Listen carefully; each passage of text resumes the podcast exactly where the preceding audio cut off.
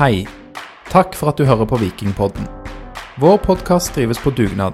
Alt vårt innhold er gratis, og vi har en del utgifter knytta til podkasten.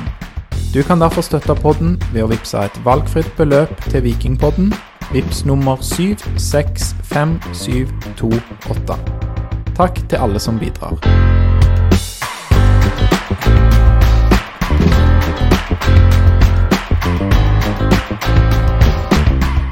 Velkommen til en ny episode av Vikingpodden, der vi skal evaluere 2023-sesongen. Hvor vikingenes ære etter den grusomme 2022-sesongen skulle revansjeres. I dag så dykker vi ned i sesongens strabaser og triumfer. Viking seilte gjennom fotballhavet og satte kursen mot gull, for kun å ende opp på den ærefu ærefulle fjerdeplassen etter en nervepirrende tittelkamp som varte helt inn i september. Europaspill ble det dessverre ikke for de mørkeblå denne gangen, men la oss ikke glemme det store løftet fra fjorårets beskjedne 11.-plass til årets imponerende plassering. I dag har vi, som i 2020, 2021 og 2022, med oss den høylytte og engasjerte politikeren og spikeren Øyvind Jacobsen. Setter godt til rette og gjør deg klar for en spennende prat om alt fra fotball på banen til politiske krumspring utenfor han. Velkommen, Øyvind. Tusen takk eh, for det. Kjekt å få være her nok en gang. gang. Begynner å bli en tradisjon, dette for dere òg, Lars Alex. Eh, Kjekt. Fjerde gang vi har med Øyvind. Ja. Ja, veldig kjekt. Veldig bra, og jeg håper jo at fokuset blir mest på fotball og ikke så mye på politiske krumspring. ja, vi får håpe det. Men nå har vi med oss to eh, politikere i både Høyre og Arbeiderpartiet. Så det er litt sånn debatt kan det bli, kan det ikke det, Alex? Du prøvde å sette ut noen sånne feller her til meg, Øyvind, gjorde du ikke det, før vi begynte? Noe jeg skulle bite på her om eh, ja, fellesskapet, og du hadde noen sånne buzzwords. Ja, det, fotball handler jo mye om fellesskap, vet du. Du er avhengig av at alle i laget fungerer, og sånn er det òg i, i samfunnet. Og da mener jo jeg at vår politikk i bedre det. dette ivaretar vi ikke det. skulle prate om. Det var, Du skal ikke få mulighet til å svare på den. Alexander. nei, jeg trenger ikke det. Jeg trenger ikke det. Nei, men uh, Veldig kjekt, som sagt. Og du, uh, det er jo litt stas. Nå har vi en fra regjeringsapparatet inne. Det er jo litt uh, høyt på strå nå, Eivind. Hvem skulle tro det? At denne fyren her ble sendt inn til Oslo og springer rundt på Stortinget og i et departement. Nei, det er veldig spennende. veldig lærerikt. Jeg liker ikke å bruke sånne uttrykk om at jeg er ydmyk, for det er jeg jo sjelden. Men eh, jeg minner om at jeg er, jeg er litt ydmyk til den oppgaven jeg har eh, fått eh, være med på nå. Men du finner fortsatt tid til, til Viking. Du er speaker òg videre. Ja, jeg jo-. Ja, jeg jobber jo for uh, Kari Nessa Nordtun, og hun har en familie med tre unger, så hun vil uh, raskest mulig uh, hjem i helgene. Det passer jo bra når jeg går og bærer kofferten hennes og veskene hennes, så, så da får jeg jo tid til å gå på, på stadion, og det syns jeg er veldig deilig å få som et avbrekk i, i politikken. Du er rett og slett ganske sterk. Du bærer mye ting for henne. Det er derfor hun ville ha deg med. Jeg, jeg vet ikke om jeg er så sterk, og hun, hun reiser ganske lett, heldigvis. eh, Men eh, jeg er jo en veskebærer. eh, Bakmann. Nei, jeg er en veskebærer. Altså, Kari hun, hun gjør alle beslutninger sjøl. Og så, så maser jeg på mine ting, eh, og så sier hun vel at det er rundt 10% som går inn. Eh, Resten går bare rett igjennom eh, fra meg. Ja, nei, jeg traff deg på Du var på jobben min her en dag, og da, da var du alene. Så da var sto du og passet på tingene og sånn, så jeg kan bekrefte at du ikke drev og spilte inn til intervjuet som pågikk et annet sted. Nei, da hadde, jeg passet vel på en journalist fra VG som fulgte Kari Ja, sånn på besøk på Madlavoll eh, skole for å uh, snakke med sin favorittlærer fra når hun sjøl gikk på, på skolen. Og det var et møte hun satte veldig pris på. og det var òg interessant å høre Kari fortelle, og ikke minst hun Anda, som hun heter til etternavn, fortelle om hvordan skolen var da, kontra gjerne hvordan den er nå. Var litt mer dedikerte lærere på den tida. Nei, Vi kunne sittet der og snakket om eh, skolen min i timevis, men eh, det får vi spare til en annen gang, en annen anledning. Eh, vi har mye vi skal gjennom, Torjer. Absolutt. eh, Så må jeg bare først og fremst si at det er godt å høre at du fortsetter på sesong åtte som speaker. på- Begynte ikke du i 2017 som speaker på Viking stadion? Nei, det gjorde jeg ikke. Jeg, Var det 2018? jeg var ikke med på nedrykket. Det var etter nedrykket jeg ble med. Så Ja. Der har vi forklaringen på oppturen. stemmer det. Ja, Så da blir det syvende sesong da for deg neste år som Ja. speaker. Ja, det blir knall. Ja, Hvis jeg får være med, da. Jeg er jo ikke sikker på at de vil ha meg med. Men hvem er det som avgjør det, da? Nei, det tipper jeg Det er jo Eirik Bjørne som eh, avgjør det sammen med Børge og Kjartan og Lars Peter. Men eh, det har jo ikke vært så mye bråk fra Fotballforbundet nå, så jeg tipper Og jeg har gjerne blitt litt eh, kjedelig, så det kan være at de vil bytte meg ut. Det er jo alltid greit å gjøre noen eh, bytter, så vi får se. Vi får se. Får håpe ikke det eh, hoper seg eller går i feil retning i dag, da. At du kommer med noe krumspring her. Pleier det å være en tung evalueringsprosess for spikerjobben? Jeg har en sånn skjema du må fylle ut, og Nei, det er lite med, med det. Okay. Jeg tror de har gitt opp det i Viking, egentlig. de, eh, de prøver seg å si at du må gjøre det og det. Du må ikke, eller det er jo mest, du må ikke gjøre det og det, for nå har vi besøk fra NFF eh, med han og han.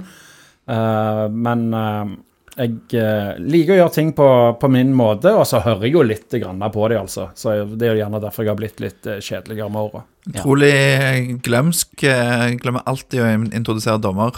Ikke alltid, eh, men det er mye hektisk eh, før kamper, så det blir fort at du glemmer noe. Og dessverre så har det gått utover dommerne litt for ofte, men jeg kommer på det etter hvert i, i kampene, heldigvis, sånn at òg de får den presentasjonen de skal ha.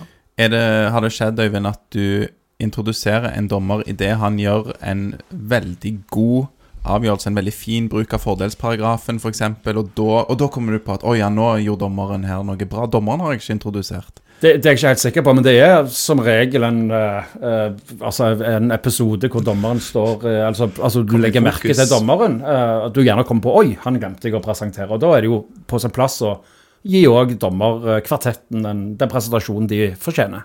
Så bra. Det er godt. Det er jo Alexander sjeldent at eh, dommerne markerer seg positivt på, på stadion hos oss. Er det det? Ja, det har aldri jeg tenkt noe over, jeg. Det er vel, Roet Saggi er jo alltid en god dommer, må jeg si. du, liker Roet. Ja, jeg er veldig glad i Roet. Men i, i fjor, eh, i eh, 2022-evalueringen, så var ikke jeg med, så da kan jo jeg eh, stille dere til veggs. eh, Fordi du, Lars, du gjorde innsatsen i går med å høre lytte litt til hva dere eh, sa i fjor. Hva spådde dere foran 2023-sesongen? eh, Og ja, følte du at dere traff bra? Ja, Vi var jo veldig på ball og veldig, um, veldig mange smarte tanker uh, som ble tenkt. Og vi var jo inne på dette at uh, jeg trakk fram at det, var, det så ut som om det kunne bli bra. Uh, vi snakket om at trenerne måtte, hvis det var tilsvarende situasjon, at de vi sto i september uten noe å spille for, så måtte vi vurdere Eller måtte de nok vurdere sin stilling. Um, og eh, Øyvind Jacobsen han trakk fram Vålerenga som en stor uh, favoritt for å komme på topp tre. tre. I Eh, 2023. I 2023. Ja. Um, sammen med Rosenborg.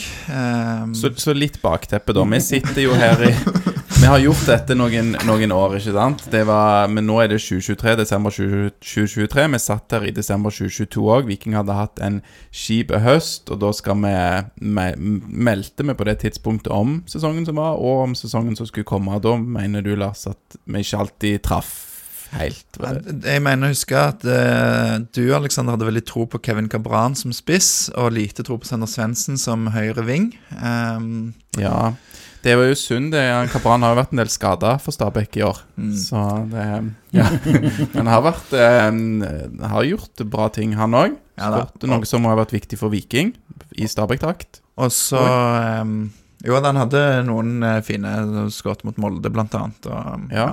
Men jeg husker òg eh, Øyvind Jacobsen meldte at Viking, den Viking var kanskje svakest på, var å kvitte seg med spillere som var da i skorpa, men ikke gode nok. Og ja, jeg vet ikke Hva syns du Viking har levert på det feltet i år, Øyvind? Om de har kvitta seg med folk som var i skorpa? Ja, Eh, altså- jeg syns ikke de har vært så flinke på det Nei? Denne gangen heller, men de har henta inn veldig mye bra spillere. Jeg kjenner jeg er ganske nervøs her nå, for jeg husker ikke hva jeg spådde. Og jeg hører jo sånn utgangspunktet her at jeg har bomma ganske Nei, eh, Nå trekker jeg jo fram eh, de tingene som jeg traff på og dere bomma på. Det var noen som sa Viking kom på fjerdeplass. Eh, Det var meg. Aleksander Alexander mente at eh, syvendeplass var, eh, var best eh, case-scenario. Ja, jeg må bare få påpeke der da at vi gir jo et tabelltips seinere. Altså, vi satt og diskuterte sesongen 2022 i desember, og så ga vi et litt sånn prematurt tabelltips. Eh, men vi gir jo en hel, eh, en, et helt tabelltips i februar-mars, eller noe sånt. Og da tipper jo jeg Viking på andreplass, med de signeringene de gjorde. Så Ja da. Så det er jo klart eh, du, mm, Vi jobber jo med de tingene vi vet. eh, Det er jo det vi sitter her med nå, så, så på en måte er utgangspunktet for denne samtalen. Men det er litt interessant å høre på, på denne episoden òg, for det, ja, det er mange gode poenger som kommer fram fra både Men- deg, Aleksander, men kanskje Unni Jacobsen, som eh, melder Så Men- vi- hvis man ja. som lytter da er, syns at denne episoden der vi evaluerer 2023 blir veldig veldig bra og ikke får nok, så kan man skru på den der vi evaluerte 2022 òg. Ja, eneste kritikken til Unni Jacobsen er at han um, ganske, snakker ganske mye om uh, Veton Berisha i denne episoden. Så, At, at Øyvind gjorde det. Ja, så skrøyta av Veton Berisha. ja, som Ja. årets spiller for Ja, ja. Viking i 2022. Jo, men, ja ja, men eh, vet- Veton var jo dødsgod i Viking, men han er jo bare god i Viking. Jeg tror vi går videre. Ja. Eh, men jeg ville jo Jeg håpet jo at du skulle ta opp eh, Karlsbakk-salget med Øyvind. Var det noe du valgte bevisst å unnlate, eller? Nei, det tenkte jeg ikke på, men, men vi diskuterte jo Karlsbakk, som hadde For vi snakket om årets gjennombrudd, og Alexander var ganske kritisk til Karlsbakk. eh, som hadde fått nok minutter egentlig til å være det, men ikke levert på det nivået. Um, og Eivind Jacobsen, du uh, meldte at Viking måtte jo bruke han, fordi uh, da går det fra en spiller som de kanskje i beste fall kunne få 10 millioner for uh, nå, men du trodde ikke de kunne få det, til en spiller du kan få 30-40, kanskje til og med 50 millioner for hvis han slår gjennom. Og så gikk det jo bare en måned, og så var han solgt for nesten 30 millioner, så um, det var noen som hadde sett noe som jeg ikke hadde forventa, da. Ja, det er et helt fantastisk salg. Ja. et av kanskje tidenes Ja, det er jo tidenes vikingsalg ut fra det han hadde levert, da. Og så er det jo et enormt eh, potensial i han, eh, men han har jo ikke fått det helt ut i Nederland heller ennå. Så får vi se. Blitt mye benk. Mm. Ja, nei, det var, Jeg tror det var mange som hevte øyenbrynene når vi så at det, det salget der gikk gjennom 27 millioner. Var det det vi fikk? eller noe sånt? Så 29 på det jeg har sett, men eh, det er litt sånn eh, Ja, det er jo helt ekstremt. der. 27 er vel det som kanskje har blitt sagt fra Aftenbladet, tror jeg. Men du Alex, kan ikke du eh, ta oss gjennom hvilke overganger som faktisk eh, skjedde i 2023? Både hvem vi henta inn, og hvem som ble solgt. Ja, det kan vi. har jo allerede sagt at eh, Kabran forsvant til Stabæk, og Karlsberg gikk til Heerenveen, og Fredrik Torsteinbø gikk til Sandnes Ulf etter eh, endt 2022. Og Vikstøl ga seg på toppnivå. ja, Trappa her i, i start. i start. Ja. Men, men eh, på, på disse, um, i det skjemaet som vi har her, så står det at uh, Torstein Bø ble henta for 2,5 millioner til Sandnes Ulf. Er det, er det riktig, eller? Det er det som står på uh, eh, Når det fotmobb jeg har brukt som, uh, som det kan ikke det. være riktig. Det var vel gratis. Ja, det- Ja, det tror jeg. det jeg tror tror jeg. ikke Sandnes Ulf I så fall så er det ikke rart Sandnes Ulf sliter med økonomien. Ja, det ville jo òg vært et godt salg. Har jo lagt opp nå, Fredrik Torsteinbø. Ja. Ja. Men hvis det var tilfellet at Sandnes Ulf brukte 2,5 millioner på Torstein Bø, så vil jeg si at det er nesten et bedre salg av Viking å få 2,5 millioner for han enn å få 29 Men det er nok ikke riktig. Det er vel en eller annen algoritme på Fotmob eller noe som bommer litt uh, der. Jeg skal tro det. Så, ja. Viking lånte òg ut noen spillere, da. Jeg kunne ta det kjapt. Sødal gikk til Bryne i april. Auklend gikk til Jerv i mai. Eh, Magnus Rugland Ree fikk et kort opphold i Levanger uten en eneste kamp, og ble henta tilbake når det var ikke, mm, han fikk spilletid. Og Mai Traoré han ble lånt ut til Lauven i januar. Var skada, kom tilbake og ble lånt ut til Tromsø. Eh, Så den er jo òg litt spesiell. For det, han var vel helt fram til mars i Belgia, og så eh, gjorde de en eller annen manøver så han kom tilbake og ble lånt ut til Tromsø. Eh, Der er det jo fortsatt ikke avklart hva som skjer med han, men, men Tromsø har klausul som vel går ut i morgen, på nyttårsaften. Eh, Men de han, hvis de vil ha han, så vil de ha han billigere enn det klausulen er. Og Kristoffer Paulsen ble sendt på lån til Island. Koa Akureidi. Eh, Han kom òg tilbake og gikk på utlån igjen seinere. Det kommer vi tilbake til. ja. Så kom det noen spillere mm, inn òg. Og for de som husker 2022, så var det jo mye støy rundt eh, overgangsvinduet i august.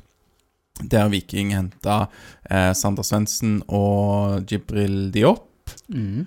Stemmer det? Og ja, folk var kanskje ikke så fornøyd med det. Eh, spesielt Sander Svendsen fikk litt tyn, og det var jo dette med Henter du en kant til å spille spiss, og, og de tingene der. Men ja, med det som bakteppe, så vil jo jeg si at eh, det overgangsvinduet nå er tidlig i 2023, eh, før sesongen. Der var de fleste fornøyde, og kanskje da, da klarte Erik Nevland å høste noe av det som han hadde brukt lang tid på å så, og hente inn et par fra Australia, bl.a. Patrick Jasbekk og Nicolas D'Agostino. Um, så kom eh, Birker Bjarnason. Eh, han kom jo med en liten sånn avtale om at han eh, kanskje skulle videre og tilbake til Italia. Lars Jørgen Salvesen valgte til slutt å spille for Viking, og så henta de òg ny venstreback i Joste Urbancic. Så Det var jo overgangen som skapte entusiasme uh, i, uh, i vikingmiljøet, altså for supporter og sånn. Så det, det var en offensiv satsing allerede da, så det, ja. Det, hvordan ser du disse to eh, siste overgangsvinduene, eller tre blir det jo da, Øyvind, eh, hvis vi trekker linjene fra 2022 inn i 2023? Nei, altså Viking har jo vist en langt mer offensiv holdning. Eh, Det langsiktige arbeidet som du var inne på, Alexander, med, med, til, til Nevland, uh, ga oss jo litt uh, større håp og litt større navn inn. Og når, når Lars Jørgen Salvesen kom i tillegg til Agostino, hvor man valgte jo Agostino uh, fordi at Salvesen ikke ville komme, og så valgte man likevel å hente han. Da tenkte man at nå, nå satser Viking, og det ga jo hva skal jeg si, begynnelsen på sesongen preg, bare den preg av, selv om de, de begynte litt rodete innledningsvis. Så du fikk en sånn følelse av at nå, nå trør Viking til her. Viking valgte jo å eh, hente betale for Jasbekk, selv om de hadde allerede avtale med han fra, for gratis fra juli. Um, men de betalte var rundt fem millioner for å få han inn allerede fra um, februar uh, og sesongoppkjøringen. Og det, um, det syns jeg jo vi har sett hvorfor Viking har valgt det, og han er jo fort en som uh, Som de får mye for eh, Ja, nå skal han til Asia-mesterskapet med landslaget.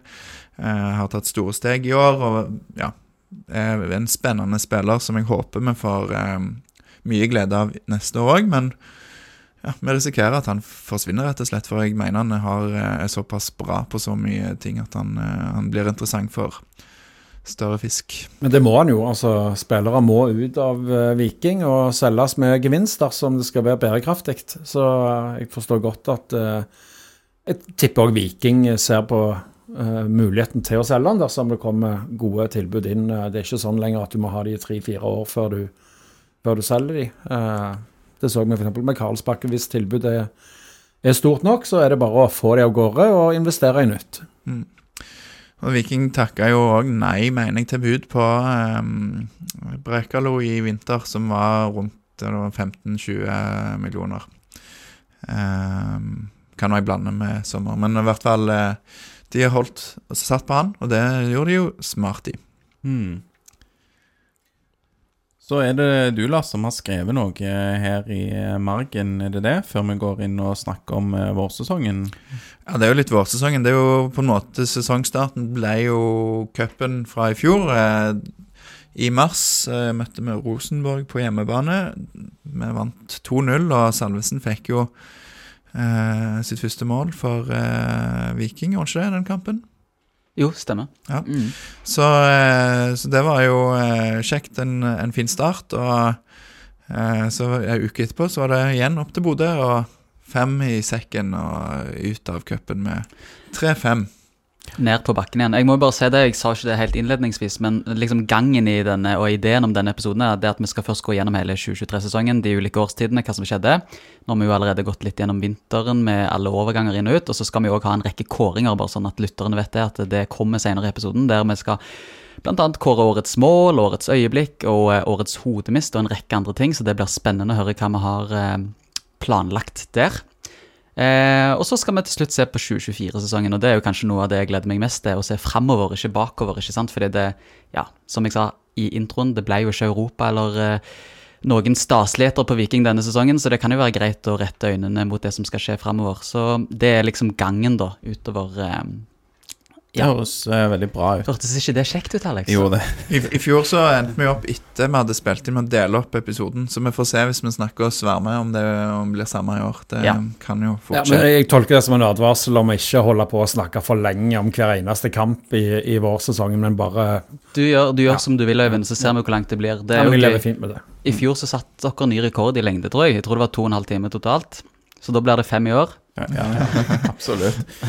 Har jo fulgt laget enda tettere i år, så jeg kan eh, ja, si mye om det. Men um, hva syns dere egentlig om uh, denne her varianten med å uh, ha de hva skal jeg si, de siste avløse treningskampene med litt cupkamper? Jeg har jo likt den der opptrappingen, sånn sett, for da er man klar til, til første serierunde. Øyvind rister på hodet her. Ja, jeg syns det er en helt, helt skandale å spille cupen for året før. Altså, Viking røyk ut i cupen to ganger i år. Eh, Det, det ikke hjemme en plass. Jeg kan godt være med på at du ikke bør spille cupfinale 17.12. I, i Oslo, eh, når det er meldt til helga eh, minus 25. Eh, Så den forstår jeg, men da får vi snu hele sesongen og, og spille høst-vår. Det, det går ikke an å ha cupfinale på, på sommeren eh, fra året før. Men går det an å ha de innledende rundene i cupen, da? Altså, ja, nå er det kanskje litt forvirrende for, for lyttere og for meg òg, men altså, pleier jo å være eh, i november eller desember, har de jo strukket den inn i. sant? Eh, men kunne man hatt de innledende rundene for det året sin cup eh, i mars? De, de pleier jo å komme litt Ja, men senere. det har man jo alltid hatt. Har man det, men ikke ja, altså, før Eliteserien starter. Kvalifiseringen Nei, kanskje første runde kommer i andre serierunde eller noe sånt. Mm. Men altså, når du spiller et mesterskap, så er det jo for det året.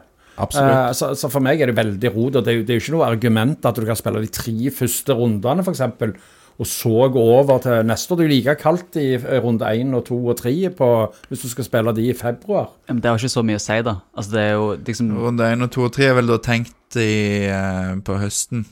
Er det det, ja? Sommer og høst, og så blir det sånn lang pause, sånn som det har vært.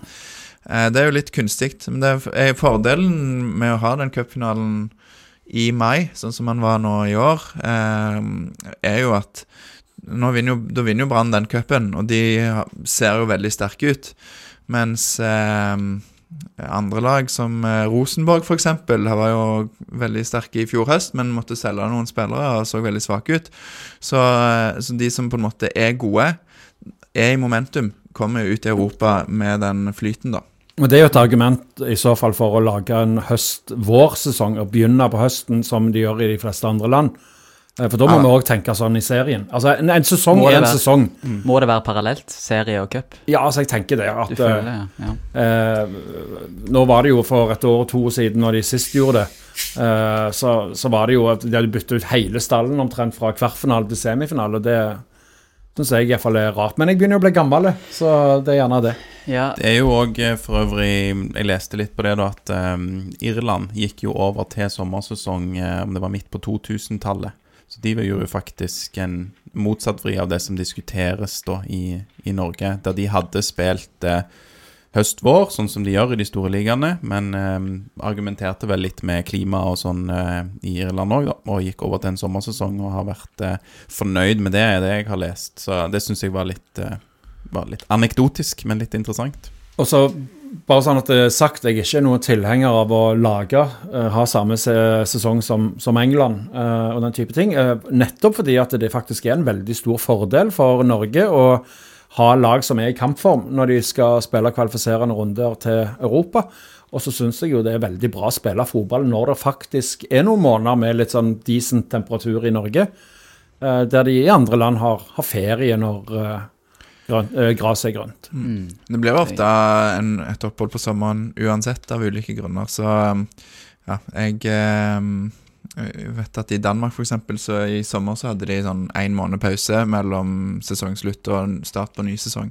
Um, så det er mulig, men jeg eh, er jo glad i sånn som vi har hatt det hele veien. Så det, det jeg tror eh, NFF møter mye motstand på de forslagene til endring. Folk er jo Endring gjør jo vondt. Du kan lage ei terminliste eh, mye bedre, sånn at det, altså, det er ikke så mange år siden vi spilte cupfinale i november. Tidlig i november, kanskje slutten av oktober òg. Det går an, altså. Mm. Ja, det tror jeg kanskje er den beste løsningen, å få den cupfinalen litt tidligere. Og, og må den avslutte sesongen? Er du tradisjonsrik på det òg? Ja, det må den. må Eh, men det går òg an. Eh, Du kan f.eks. spille cup når det er landslagsopphold. Eh, Så får heller lagene bare tåle at de har noen spillere på landslag. Det er ikke veldig mange landslagsspillere i den norske eliteserien. Nei. Nei, jeg bare syns det appellerte så sykt til meg med cupfinale i mai. Det var så digg, det. Eller, ja, jeg var jo i Bergen da, så Nei, jeg skal Har ikke du si blitt jeg skal- Brann-supporter? Nei, jeg skal ikke Viking har ikke spilt cupfinale på Det var, det var, Oi, uff, Ja, men vi var jo i, i desember, så sto meg og deg på Ullevål eh, i desember 2019, Alex. Og det var drit, altså, å stå der i boblejakke, liksom. Tenk å stått der i Tatt en pils i parken og så gått i T-skjorte og bare Ja, jeg sånn, er jo liksom. ikke noe sånn der eh, vinterperson. Du, du ser ikke meg liksom eh, Å ja, en tur til Oslo, så flott. Da kan jeg jo ta en liten skitur i marka før jeg eh, stikker ned og ser på cupfinalen. Altså, det appellerer ikke til meg. Nei. Så eh, jeg skulle gjerne hatt det i litt, eh, litt finere vær. Og, men klart, man får ikke både i pose og sekk. Han skal respektere tradisjoner og Du hadde likt, Øyvind, tatt deg en tur i Merka Nei, nei, det kommer jeg eh, aldri til å gjøre. Verken i Vestmarka, Nordmarka, Sørmarka, Østmarka. Jeg vet ikke hva det heter der. Eh, Men, men eh, dere får snakke for dere sjøl. Jeg koste meg voldsomt i Oslo Ja, på det- cupfinalen når Viking vant cupgullet Ja. og Trippic satte straffen. Dreit i om det var snø på setet mitt før kampen. altså Det er helt fint. Ja, men hvis du skulle valgt mellom Det det, og meg det viktigste for meg er at Viking spiller cupfinale, og at det er god stemning. Eh, Og at Viking helst vinner. Så om det er mai eller oktober eller januar, bryr meg lite om. Nå, Altså. nå har vi snakket veldig mye om noe vi ikke skulle prate om. Det er veldig Ja, kjekt. ja. Jeg kan jo bare si at jeg, Mitt poeng skulle bare være at jeg syns det kunne vært fint å ha hatt et par innledende runder i cupen før Eliteserien starter, gitt at man eh, får eh, frosten av grusen på Knudamyra, eller eh, Nå har de vel ikke grus der, men eh, ja. Vi får ta det på Sør Arena, eller hva det heter. Der er de gode på sånn underlagsvarme. ja. Det er viktig. Jeg kan bare ta kjapt òg Vikings inngang til sesongen. De hadde jo en uh, uh, ja, De hadde flere treningsleirer. De tapte 1-0 i den første treningskampen mot Bodø. Knuste Sandnes Ulf i en fantastisk kjekk kamp i januar. Det blir jo òg en treningskamp eh, i eh, 2024 på Sandnes som går an å ta turen på. Eh, vant mot Halmstad, uavgjort mot eh, København. Vant vel på straffer etter Arild Østbø hadde en eh, fin straffe, mener jeg. Eh, Jone Berg fikk sin eh, debut, holdt på si, eller viste seg fram i kampen mot Brønnby. Tapte riktignok den 3-2. Bryne ble slått. Godset tapte mot eh, Lillestrøm, der Jasbekk vel fikk sin debut og viste seg fram. Og Jerv tapte mot. Eh, og da kom cupen mot Rosenborg, Ja. Der vi vant. Da er vi i god gang med å gå gjennom alle kampene òg. Ja, men jeg syns det er litt greit å friske opp den der uh, Jerv-kampen. Eh, Det var ganske dårlig stemning etter da å ha tapt mot Strømsgodset og uh, rekka med tap mot Strømsgodset, uavgjort mot Lillestrøm og tap mot Jerv. Det så ikke særlig bra ut i den generalprøven som det ble mot Jerv der i, eh, i Så vet vi at treningskamper de lever litt sitt eget liv, og Jerv rykka vel eh, greit ned fra Obos, gjorde du ikke det? Ja, og vi tapte mot de. Vi tapte mot dem. Så det, på tross av akkurat det resultatet, så gikk det bra for oss og dårlig for Jerv. Um, ja.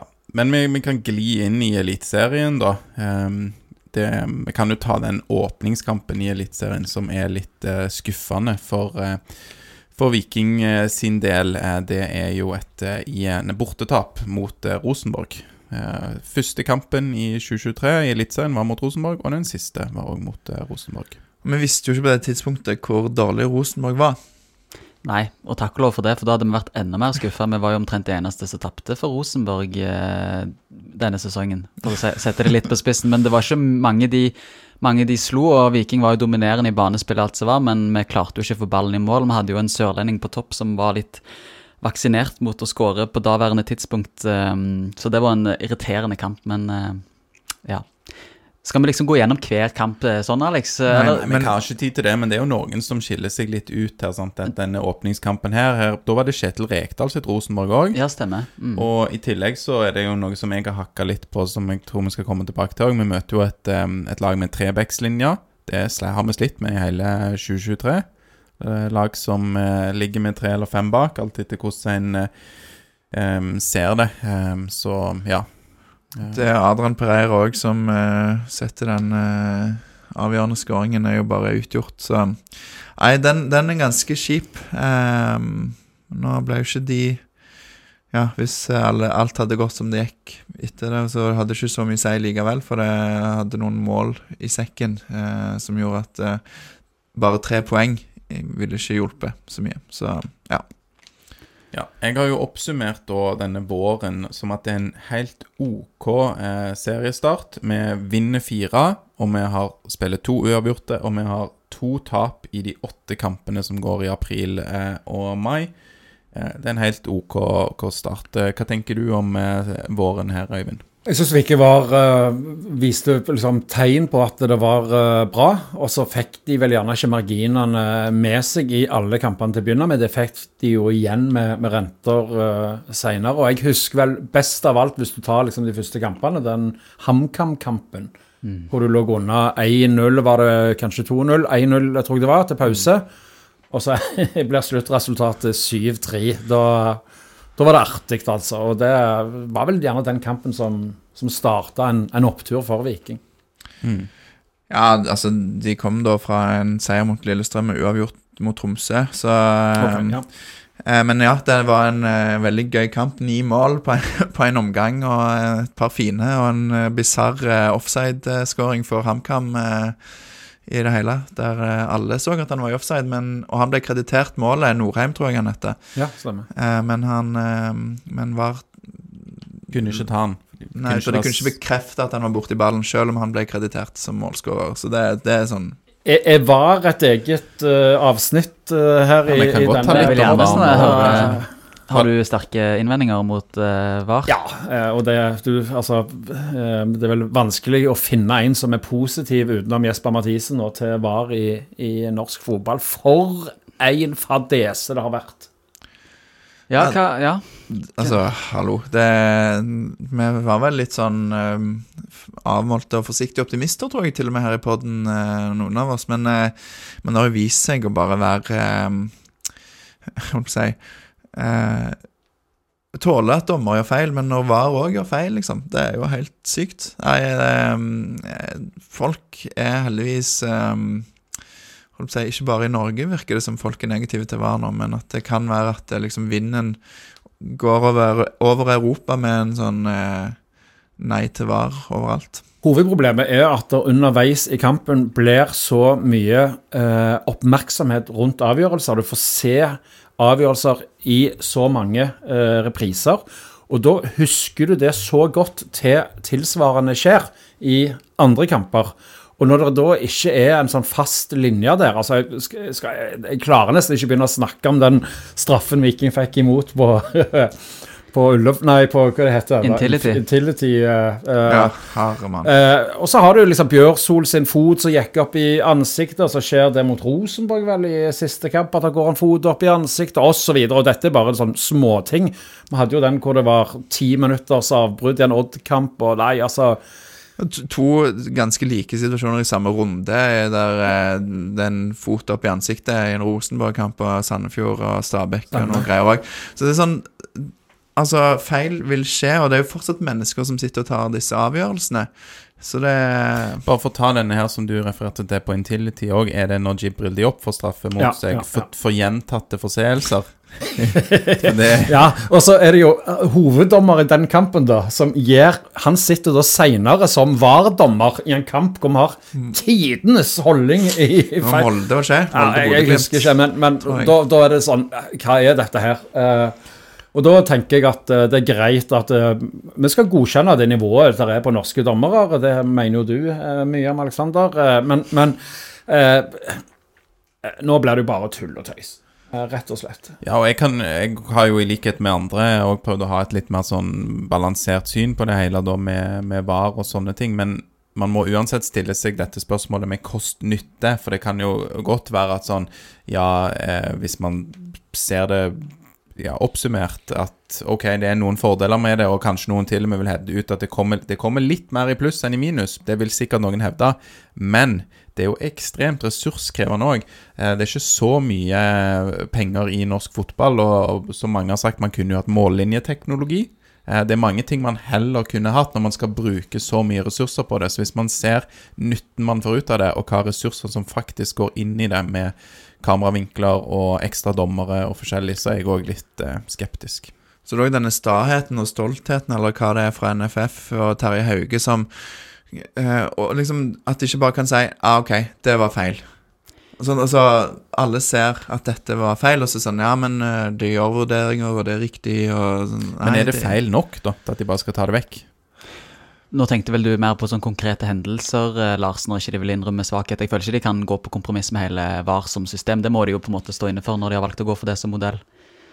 tenker Ja, jeg. nei, jeg tenker når, de, når TV 2 har hatt Terje Hauge enten på telefon eller i studio og viser f.eks. Eh, ja, la oss ta HamKam-situasjonen, da, så gikk de ut og forsvarte det etterpå. At de ikke bare kan si at OK, dette var en feil avgjørelse, mm, det ser vi nå.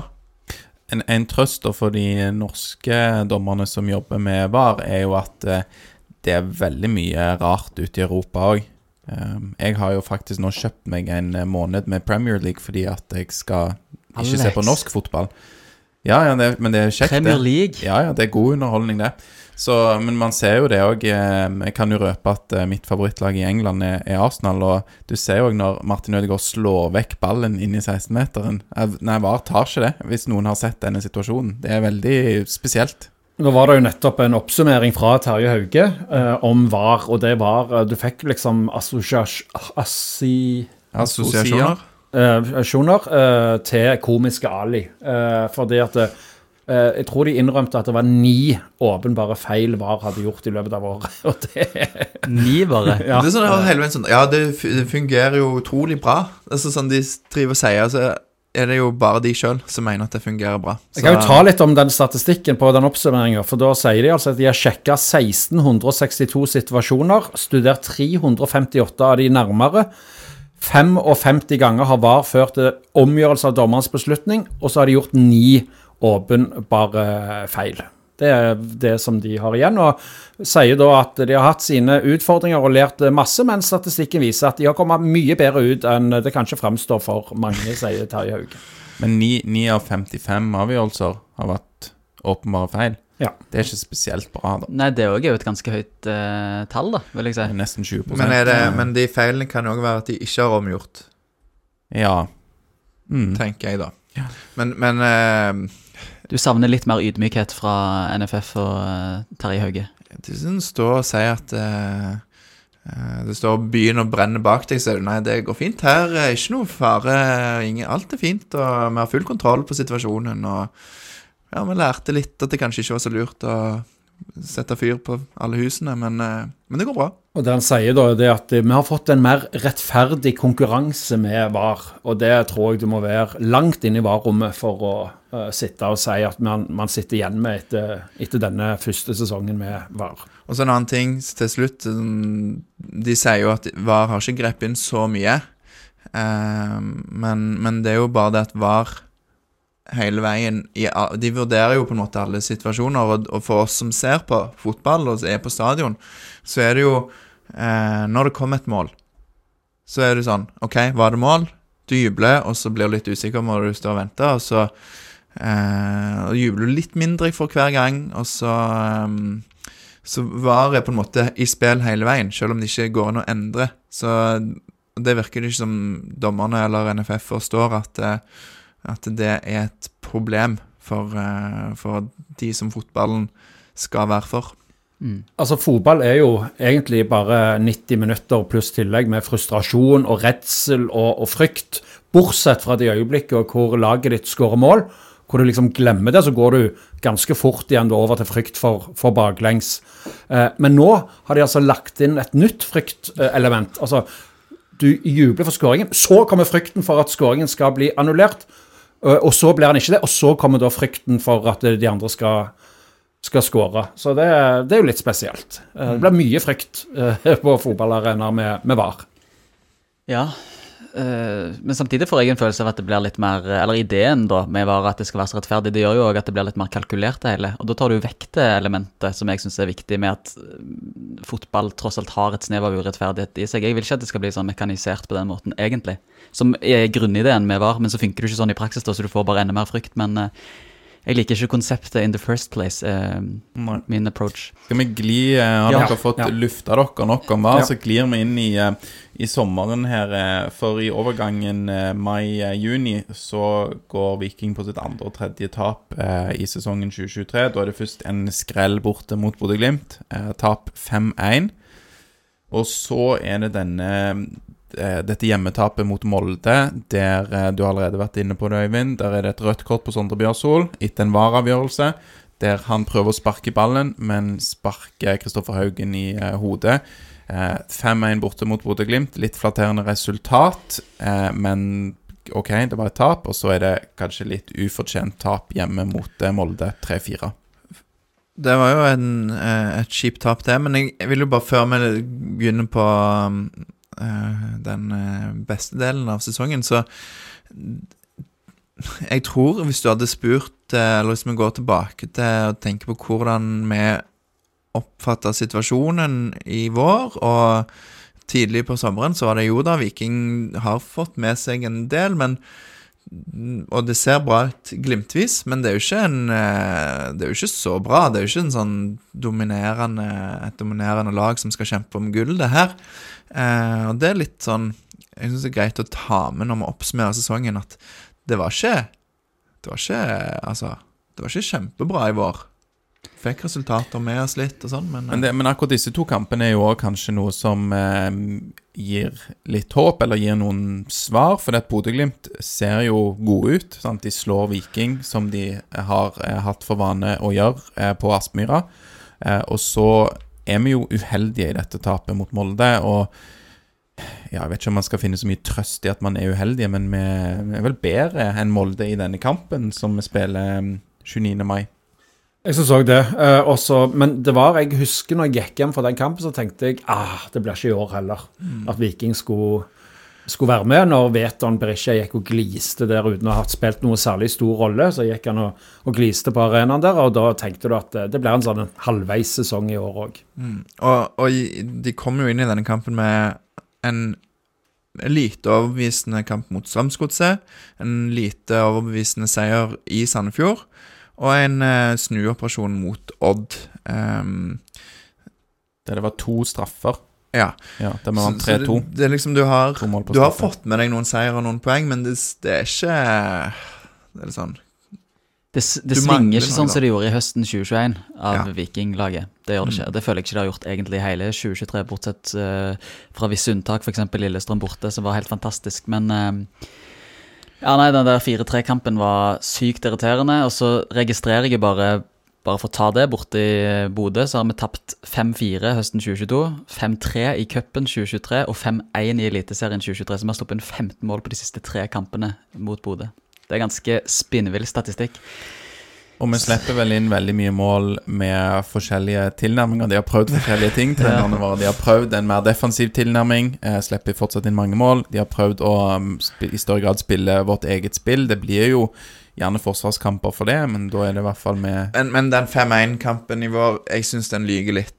Fordi at det, det Viking eh, havner unna 2-0, og så kommer Salvesen med et mål i det 78. minutt, og da er det 2-1. Og da satser Viking ganske hardt på å prøve å få den utligningen. Og det, de blir jo knallhardt straffa, men det er mål i det 88., i det første tilleggsminuttet og i det femte tilleggsminuttet. Så det er litt sånn det rakner helt på slutten fordi at Viking virkelig går for det. Så det, selv om det, ja, det er en annen tilnærming, men, men det er jo på en måte den, eh, den virkelige satsingen som, som straffer seg hardt. Og med den kvaliteten Bodø-Glimt har i laget, så, så er det ikke så mye som skal til. Men jeg likte jo den tilnærmingen eh, mot eh, Bodø-Glimt. Eh, og det var jo den tilnærmingen også som kosta oss, så vidt jeg husker, seieren mot eh, Molde. Eller poeng iallfall mot eh, Molde. Da ble det kasta opp litt folk på noen dødballer, og så fikk de seg en eh, kontring i, på slutten Ja, der. eh, Ja, det var en, et horribelt valg av eh, Herman Haugen. Ja, men, men, men fra trenerne, da, som selvfølgelig alltid får kritikk når det ikke går bra, men da viste de at vi er med her, vi vil noe med, med dette laget. Og så fikk de seg to på pukkelen, og så kom det jo ti deilige kamper etterpå. Ja, så de må fortsette med det. Skal ikke ha tilbake til noe eh, trebackslinje bak borte mot Bodø-Glimt og ligge og forsvare seg inn til uavgjorter, og det er bra de prøver. Skal vi ta de eh, resterende Eller de neste ti kampene og de 30. neste poengene for Viking, Alex? Vi kan gjøre det. Det begynner jo eh, 11. juni. Den eh, nevnte Molde-kampen var 4. juni, og så er det denne rekka med ti kamper som går fra 11. juni til eh, 20. august. Eh, en rekke mm, gode resultater, men òg noen resultater som kommer seint, men godt. Eh, Jeg vet ikke om det er noen spesielle kamper dere eh, husker godt. Det er jo Brann-kampen borte og hjemme. Jeg møtte Brann to ganger der. Eh, Ja, vinner er sånn, du vinner på overtid mot både Vålerenga og Stabæk. Ja, for det er det jeg har For å ta det negative først, og det er det jeg har bitt meg mest eh, merke i. F.eks. to relativt eh, stangekamper mot eh, Stabæk. Vi sliter igjen med å bryte ned de lagene som ligger lavt, med tre bak. Eh, og så vinner vi i den ene kampen mot Stabæk, så skårer vi rett før overtiden, og den andre så skårer vi litt inn i overtiden, mener jeg. Og hvem var det som var matchvinner i de to kampene du refererer til her? Var det Bjarnason i begge? Nei, det var Sandberg på Intility mot Vålerenga, og så var det Birker Bjarnason på Nadderud mot Stabæk. Og Brekalo hjemme mot Stabæk. Ja, riktig. ja. Jeg var på de to Stabæk. Ja, men da er det Brekalo og Bjarnason i de, og så er det Sandberg borte på Intility som Ja, du, ja. i overtiden. Ja. Mm. Jeg tror ikke Viking står så høyt i kurs på Nadderud som uh, hvor de rykka ned. Der, uh, det var uh, eliteseriestatusen som røyk helt på overtid i begge de kampene mot Stabæk. Ble vel 1-0 i begge, gjorde det ikke? Mm. Så Det er jo noen gode kamper her òg. Du nevner Brann, men, eh, men den Bodø-Glimt-seieren over Bodø-Glimt, 3-2 på hjemmebane, eh, det var spesielt. Det var det det. var var flott VAR-kamp, for de som husker det. Der Bodø-Glimt utlignet til 3-3 etter en liten hands av Ede Brede Mo. Um, jeg lurer på det. Ja, uh, som blir blir korrekt annullert av VAR. Så en fin uh... det, var, det må jeg bare si i forhold til den kampen. Altså, Det var jo den kampen Felto valgte å demonstrere mot VAR. Og i løpet av det kvarteret de skal være stille, så skårer Viking to mål. Og attpåtil så vinner Viking på at VAR annullerer et Bodø-Glimt-mål. Så det var jo litt sånn perfekt storm, det hele, liksom. Ja, det var det virkelig. Og det er en av de kampene der det har vært best stemning. Ja, Sånn, jeg, jeg husker at jeg sleit litt der. Så liksom eh, Skal du spille den målgingelen etter mål? Eh, liksom Skal du prøve å være litt på lag med supporterne som mener det samme som jeg sjøl personlig mener, men det var sjanseløst. Eh, folk elska det jo. Det 2-0-målet var jo det målet til Solbakken, som vi sikkert skal snakke om seinere òg. Det det var en helt nydelig kamp, og da eh, jeg tror jeg òg at Felt O forsto at de hadde bomma voldsomt med, med protestkampen. Og den kritikken eh, de fikk etterpå, eller hele Stavanger fikk etterpå, da, fordi at eh, vi, vi jubla for eh, omgjørelser VAR, vi jubla når det var stillhet osv. Det ble bare tullete. Eh, når Viking herjer med Bodø-Glimt som, som han gjorde, og leder 2-0 etter ti minutter, selvfølgelig må de juble. Det er en sånn der eh, veldig dum strategi fra supportere, det er å hakke på andre som Altså, supportergrupperingene har jo sitt standpunkt, og de står jo på det, og så, og så kan jo ikke de stå ansvarlig for hva en hel stadion gjør. Eh, så jeg ser jo stadig liksom Ja, dere jubler, og dere kan ikke drive og sutre på VAR når dere jubler som galne på når det målet blir annullert. Det kan man virkelig. Så selvfølgelig kan du juble på mål og være mot VAR. Ja, ja. Ja, virkelig. Og husk på at uh, i denne um, situasjonen her, så ligger vi jo faktisk uh, Jeg lurer på om vi spilte oss opp til tre poeng bak i den kampen, eller om vi kom av poeng med de når vi slo de, men, men det er jo Vi har hatt hva det er, syv, syv seier på rad, eller noe sånt, før den kampen. Mm. Og, eh, og at eh, du ikke skal juble når det blir seier mot eh, de som har dominert norsk fotball i en rekke av åtte på rad, der laget ditt ser Altså Dette lukter gull på stadion. Så Og den hilsen til Rune Bjerga. Ja. liten. Men du, det, var, det var jo kanskje de to beste kampene Viking spilte denne sesongen. eh, I hvert fall den neste kampen borte på Åråsen der var helt fantastisk. Så det var jo to kamper som står seg ut der, da. Eller egentlig alle de tre. altså Den 30. juli borte mot Brann, 6. august hjemme mot Bodø-Glimt og bortekampen 30, 13. august mot Lillestrøm. De tre kampene der, det var kjekke kamper. Jeg Vet ikke hvor gode vi var i Bergen, men vi var i hvert fall veldig solide da, i Bergen. Forsvarskamp i Bergen, store deler av den kampen, og Slatko ble jo stygt skada, dessverre. I sånn tiende minutt. ja. Vet ikke om dere husker den situasjonen jeg husker der. det, så det prega nok resten av kampen. Det var vel eh, Ja. Brann kjørte over Viking, og så eh, legger Slatko seg ned og får en liten strekk. og Viking tar en timeout på fem minutter, og så eh, har Viking et litt annet momentum etter det. Så det var veldig det gøy med sånne seanser. Så det. Ja. Siste Sandberg gjorde i Viking, å sette den straffen. På overtid i Bergen. Mm. Meg og deg var på denne bortekampen mot eh, Lillestrøm, Lars, der vi vant 3-1. Veldig dominerende. Veldig Ja. kjekk opplevelse. En av få kamper der Viking har hatt full kontroll, Mm. nesten hele veien. Nesten hele veien. Ja, kan jo ta det. Det har jeg hakka på i poden før. De gjør et sånn uforståelig trippelbytte i det 80. og noe minutt, der bl.a. Sondre Langås får sin debut, mener jeg det i Eliteserien. Og I eh, tier. I tierrollen. tierrollen. Så, og da, da blir vi dårlige. Eh, ikke, ikke av han nødvendigvis, men de gjør et trippelbytte. Og Just Urbansic kom inn. merkelig, liksom. Alt eh, Ja, og da skårer jo Lillestrøm et mål og kunne fått det til. Så eh, kjedelig sånn sett at Årets hodemist, eller? Ja, det er faktisk eh, Det er en kandidat. En, av, en av kampene der Viljar Vevatnet ser ut som en uh, fisk på land. Ja, han, han, han kom inn som høyreback. mm, det så ikke bra ut, nei. Innbytterpuls, rett og slett. Han kom seg jo på slutten, da, Viljar, eh, med tre gode kamper uh, for Viking, må jeg si. Siste av de ti kampene, det var jo 1-0-seieren eh, hjemme mot eh, Stabæk. Nok et sent mål med Bricalo, og da merka vi jo eh, Eller jeg følte jeg begynte å se tendenser på at ting kanskje var litt i ferd med å snu. Um, I hvert fall i den kampen versus forrige kamp mot Lillestrøm. Da var vi ikke så gode hjemme mot Stabæk. Vi, kjø vi kjørte vel den kampen òg, og Viking hadde jo en del sånne kamper. Vi nevnte jo Vålerenga og Stabæk før, og Stabæk er jo god på det. Det som irriterer meg, er jo at eh, Molde fikk utsatt den, eh, den kampen som skulle vært 27. august. Ehm, for da får jo Viking først to uker da mellom Stabæk-kampen og Vålerenga-kampen med landslagspause Nei, der var det ikke landslagspause, vel. Men så kommer det landslagspause etter Vålerenga-kampen, så det er liksom to uker, én kamp, og så to uker og én kamp. Og, og når vi er i den flyten vi er, så stykker det det veldig opp. Og jeg tror hvis Viking hadde møtt Molde i Molde 27.8, så hadde vi ikke røket på en hva det ble 4-0. Men den, altså, nei, jeg er ikke enig med deg, for, for uh, den Vålerenga-kampen var òg ganske OK. Vålerenga kom for å forsvare seg, og så fikk de et poeng som Stabæk ikke klarte. Og så vant jo Viking eh, etterpå solid i Haugesund og én kamp til. Eh, Ja, Sandefjord-kampen var ikke så ja, men det var fortsatt 4-3. solid. Ja, men det var uh, solid. Altså, Viking var best. be, mye bedre enn Sandefjord. Ja, var mye bedre enn Sandefjord. Og ikke glem Molde-kampen. Altså, det var en jevn Du skal ikke banne, men det var en veldig jevn fotballkamp, selv om det ble 4-0. Uh, det var bare at Molde fikk den skåringen på verst tenkelige tidspunkt, og så fikk de plutselig to.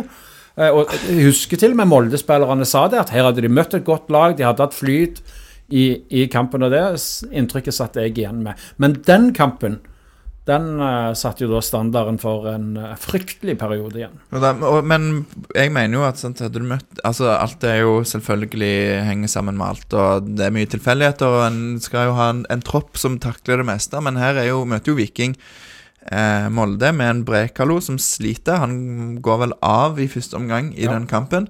Eh, han var i god form på slutten av sommeren. Eh, du møter Molde uten Sondre Bjørsol og Herman Haugen. Som møter Janni sp sp- Spiller Janni på høyrebekken. Eh, og han skal jo òg da den, ha den samme rollen som Sondre Bjørsol, med å gå offensivt. Kan jo bare backe deg på det, Lars. At altså, sånn som tingene ble, og med skadesituasjon og form, så hadde det helt klart vært fordelaktig å møte eh, Molde litt eh, tidligere. For ikke snakke om at Molde sleit i den perioden de, eh, når de skulle Ja, kvalle for Mange dårlige resultater og ja. Men jeg husker jo at Molde òg mangla mange spillere i den kampen. eh, Mot Viking. Mot Viking, ja. Eh, Hva tenker du på Veton? Eksempel. Ja, så skal jeg, men også bare, um, jeg bare ser når du arresterer både meg og deg litt her, eh, Øyvind. For at jeg eh, gikk jo har- høyest ut og sa at Viking var best mot eh, Sandefjord, og ser at eh, statsen eh, er ikke helt eh, Det var en ganske jevn kamp. Sandefjord skåret vel på en straffe òg, men eh, der de eh, vinner skuddstatistikk og eh, forventer mål sjøl uten denne straffen. Så det var, var Sandefjord da vi vant på hjemmebane mot 4-3 24.9. Det så ikke så bra ut Nei. da. og- da det var, du med Torm så tendenser i Stabæk-kampen. Jeg så det ikke ordentlig før den Sandefjord-kampen. Um, Ja. Nå hoppet vi jo litt over Ja. både Vålerenga og Haugesund-kampen, men um, fantastisk kjekk tur til Haugesund. Ja, det var kult, altså. Fytti katta. 3000 uh, siddiser i Haugesund. Det var Eller var det 3000? Eh, Var det ikke det? Noen hevder at det bare var 1500. Uh, Jeg hørte det var Stavanger-folk 10. snakket jo om at det var 10 000, liksom. Uh, Haugesund-folk ville bare tone det ned. Det var jo knapt nok noen på langsida der fra Stavanger, Ja, det er jo i hvert fall ikke sant. Jeg har sett dronebildene etter kampslutt når de feirer med supporterne, og det var masse siddiser på langsida. Dere var jo på langsida, Lars Alex. Det var Det var flere flere det er vanskelig å, estimere. Um, det, for det var jo ja, på den kortsida der man har bortsupporterne, så klart i hjørnene da så har det glidd litt inn på, på langsidene. Iallfall den vi satt og så på, var det en del eh, Stavanger-folk og Viking-supportere. Og så er det jo sikkert litt spredt utover på, på langsiden òg. Altså, ja, og, og de ble for øvrig behandla veldig fint. Eh, Jeg tror jeg har påpekt det før, men det kom en eh, mann på 76 år eller noe og i vikingdrakt og vil sitte på langsiden med Haugesund-folkene. Går selvfølgelig helt fint, han får lov til det. Og, men, men de er jo litt vanskelig å telle, ikke sant? Mm, Ja. Det var ikke alle som ble behandla fint eh, med vikingdrakt på den kampen, husker jeg. Tenker du på den seansen som gikk på sosiale medier med han som ble uh, dytta ned? eh? Ja, ja, det var noen Ja. terrassegreier der, og ja. Ja, Sånn det skal være. Ja, det er jo, men det er jo idiotisk av, av Haugesund Det skal ikke være sånn han ble dytta ned. Det Nei, nei, nei, nei, men det skal være litt sånn Nei, nei det, det Litt fyring. Men, men, det skal ikke. men Haugesund lærte jo Så når Brann kom på besøk, så hadde de Vet ikke om de hadde lagt en presenning eller et eller annet, sånn at det ikke var mulig å få kasta ting ned, for det var jo litt der det starta. Så Ja, jeg hørte på Felt O-podkast, og de sa vel eh, Jeg husker ikke ordrett hvordan Rune eller Danilo hadde opplevd det, men de sa vel noe om at de følte seg litt sånn innesperra eh, på den bortetribunen, for det sto masse haugesundere og kasta ned kebaber og all mulig drit som var, ikke sant? Og da skjønner jeg at det kan provosere når du står tettpakka inne på en bortetribune. Og eh, Haugesund-folkene tilsynelatende bare får lov til å slenge akkurat det de vil, uten at eh, det kommer noen reaksjoner på det. Så det, det er bare å be om trøbbel. Så det er jo dårlig arrangement da, fra Haugesund sin side, rett og slett. Eh, og en varsla katastrofe, nesten, kan man sånn- nesten si. Det er jo eh, den kampen mot eh, Vålerenga er vel den siste Sondre Bjørsol spiller før han blir skada. så når vi er i Haugesund der, så spiller vi jo med Diop og Langås i midtforsvaret, og med Janni på høyrebekken. Uh, så noen spillere kom riktignok inn i august, men det var òg noen som gikk ut, og du har jo disse spillerne foran deg, Aleksander. Ja, vi, lar la jo Sandberg bli solgt til Sarpsborg her i eh, august. Og Birker Bjarnason eh, forsvinner til Italia. Eh, litt sikkert fordi han eh, vil det og er, har en fot i mange leirer i Europa, men òg fordi han vil ikke betale så mye skatt, er det jeg har forstått. Ja, det er jo noen skatteregler. Sikkert Øyvind Jacobsen kan si mer om det, men jeg tror ikke vi skal gå for det inn i det heller. Arbeiderpartiet er veldig glad i skatt, så dette kan vel du si noe om, Øyvind? Ja. Vi er ikke veldig glad i skatt, eh, det er det ingen som er, men vi finansierer jo gode fellestiltak Jeg med sa vi skulle ikke gå for mye inn i det. Er, det Eh, så, men- er det sånn det fungerer? Men det er altså en, eh, noen bestemmelser rundt eh, formuesskatten spesielt, da, som, eh, som gjør det mer attraktivt eh, å, å ikke bo i Norge og skatte av, av den formuen, har jeg forstått. Men Birker Bjarnason spilte jo nærmest på dugnad for Viking, ut ifra det jeg har forstått. At det var ikke høye lønninger inne i bildet der, og det var en, en klar forståelse av rammene for den eh, si, overgangen som ble klar i mars. At han skulle eh, få gå når muligheten kom, og eh, det lå vel ganske kortene. For det, det var jo en uforutsett hendelse i Tyrkia som gjorde at han ble fristilt fra kontrakten der, så det var det var litt sånn en mulighet som Viking fikk i fanget, som ikke kosta de så mye. Og det er jo Det er jo en sånn nok en nesten-sesong eh, for Viking, men ja, Bjarnason der er jo en av brikkene som, som Som kunne Eller som var med og liksom holdt dette toget i gang, da. Det var, det var såpass mye forskjellig Altså, Viking vant på forskjellige måter. De har forskjellige sterke kort de kan sette inn fra benken. Og Den headingen han hadde i, eh, mot Stabæk-kampen, eller i Stabæk eh, på Nadderud, den, eh, den var sterk. Og disse løpene han skåret òg mot Strømsgodset, som sikrer oss poeng der. Ehm, så den målfarlige indreløperen Viking jakter var jo på mange måter eh, funnet i Birker Bjarnason. Bare synd han var 35. Men Jo da, men han leverte jo. Jeg syns han leverte bra ut ifra Hvis Ja, vi hadde um, hatt eh, veldig veldig mye penger og kunne betalt formuesskatten for Birker Bjarnason, så kunne han vært der på høsten òg, men ja. Men jeg tror han eh, vurderte det, for han trivdes jo. Mm. Han sa i hvert fall det, men eh, ikke nok. Um, salget av Sandberg var jo veldig Det var en trist affære. Meg og Lars hadde jo Morten og Betty i podden eh, dagen før det salget ble annonsert. Og da jeg, det, Dette er bare mine antakelser, det kan være feil, men jeg har et inntrykk av at de kanskje hadde snakka med, med Niklas den dagen, fordi vi skulle egentlig ha de her klokka to, eller noe sånt, og så bare varte det rakk det. det. Klokken var vel nærmere tre-halv fire før de kom, og da var det en spillersamtale de hadde hatt. Og de virka litt sånn Ja, det virka som de var litt prega da, når de kom. Eh, så det antar jeg kanskje kan ha vært med Niklas, og det tror jeg var en kjip greie egentlig både for spillere og for Niklas sjøl. Det virka sånn. Som at det var litt sårt, det hele. Og det er jo Ja. Hva syns du om Sandberg ut, eh, Øyvind? Jeg forstår at han uh, ville ut fordi at han ikke fikk nok spilletid. Uh, og så er jeg helt sikker på at det var uh, veldig tungt for trenerne. Bjarte Lund Aasheim ga jo Niklas Sandberg debuten, så vidt jeg husker, i Eliteserien borte mot Molde når han hadde et lite vikariat i, i Sandnes Ulf. De var begge veldig klare på at de ville hente han. De brukte mye penger på han.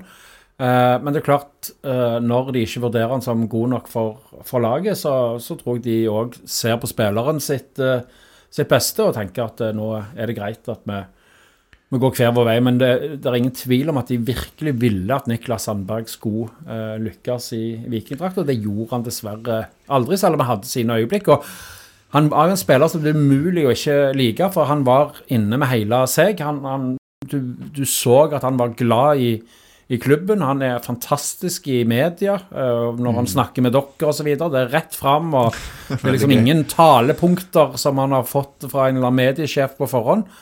Så jeg savner jo Niklas Sandberg, uh, men mest utenfor banen, dessverre. Men, det, ja. Så du tror ikke det er mye uforløst potensial eh, som ligger hos han? Jo, øh, altså hvis han hadde fått tillit, fått lov å spille noen dårlige kamper, så kunne det ha gått bra, men det kan du si om veldig mange spillere. Og når han ikke leverte sånn som han må for et topplag, så er det greit at han prøver seg andre plasser. Men hva tror du er grunnen? For han, han, var jo veldig god i Haugesund, og har gjort det ganske bra i Sarpsborg. Hva er grunnen til at han ikke lykkes i Viking? Var det mangel på en fast posisjon, f.eks.? Det er jo selvfølgelig at det er tøffere konkurranse i eh, Viking. Men er det så mye tøffere enn Sarpsborg, f.eks.? Det er ganske brei og god stall, det òg. Ja, altså, Nei, Viking, er, Viking er, skal være topplag. Det er ikke Haugesund og Sarpsborg. Nei, ikke Haugesund, har sine kamper. jo Ja, De kvalifiserte seg jo for Europa. Haugesund med, med Sandberg gjorde det ganske bra òg. Mm.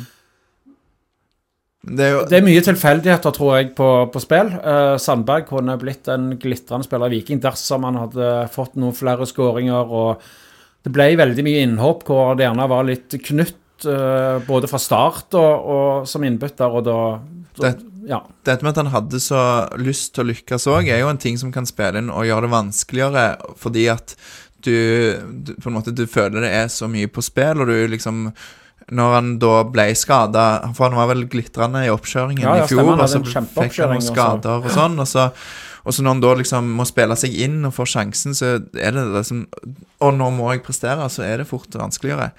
Eh, og jeg mener jo at eh, ja, det salget der er sånn som du kan Nå i etterkant, når vi ser hvordan det ble, så kan du si vi savner Sandberg. Men, men eh, jeg tror det er sånne avgjørelser Viking må ta. Litt sånne harde, tøffe, kjipe avgjørelser. At eh, Sandberg, du er nummer 14 eller 15, du har ganske god lønn, og du vil du, nå har vi tilbud fra Sarpsborg. Du kommer ikke til å få spille mer her. Du kan gå hvis du vil. Og Da er det jo han som må ta den avgjørelsen, og da, da velger han å tenke på sin egen eh, hverdag. Eh, og det det blir gjerne litt feil å sammenligne, men det er litt sånn som uh, Torstein Bø. Eh, liksom, er en fin spiller å, å, bruke. Han er lokale. Men du har liksom andre som kan gjøre den jobben ut fra, fra det han har klart å, å prestere. og da da må Viking, som du sier, si, si ja til, til, den type salg. Skåret tre mål i Eliteserien uh, i eh, år. Det var jo denne straffen mot uh, Brann borte på tampen, og så var det avgjørende Frispark i Oslo. Ja, på Intility. Satt inn uh, 2-1 der. Og det siste målet husker jeg ikke. Er det noen som tar det på stående fot? Nei, Nei. ikke meg. Nei. God pod. Ja. Så nerder trenger vi ikke være. Vi husker alle huske alt, men uh, Jeg skal finne ut det. Mens, ja, finne ut det du, Lars. Men jeg, jeg, bare sitter og tenker på sant, på, på, høsten her, når vi kommer jo til det, at det, det går jo litt trådere. Hva typer ønsker du har på benken? Men òg med det Sandberg har bevist, så er det ikke sånn at du har en uh, en, en, innbytter som alltid leverer, f.eks. Det er ikke det du har gitt slipp på, i alle fall på det tidspunktet. Det har du jo mer i Bjarnason, men han var jo mye dyrere å beholde. Så, ja. Du mister jo en voldsom potet da, i, eh, Sandberg han spilte jo overalt. Alt fra venstreback til høyreving til Jeg mener Ja, Viking mista en viktig ressurs der. Men jeg vet jo ikke lønnen hans. Den var kanskje litt for god. Jeg antar at sånne ting har spilt en vesentlig rolle. At han kanskje tjente veldig bra. Han var jo en klassesignering når vi henta han. Det var i hvert fall en spiller som var veldig etterlengta. Det har vi snakket mye om i poden òg. Altså, jeg, jeg, kan, jeg kan ikke huske sjøl noen jeg gleder meg mer over å få enn eh, Niklas Sandberg, fordi han er lokal. Eh, ja, vi fikk han ikke før eh, før 2021. Ja, 2022. Han, vi ville ha han før 2021, så kom han før 2022. Mm. Så ja, det var noen Det var etterlengta og, det- og eh, tilsvarende trist da, å se han eh, gå. Han skåret bare to i Eliteserien. OK, da Han skåret vel- for Sarpsborg òg.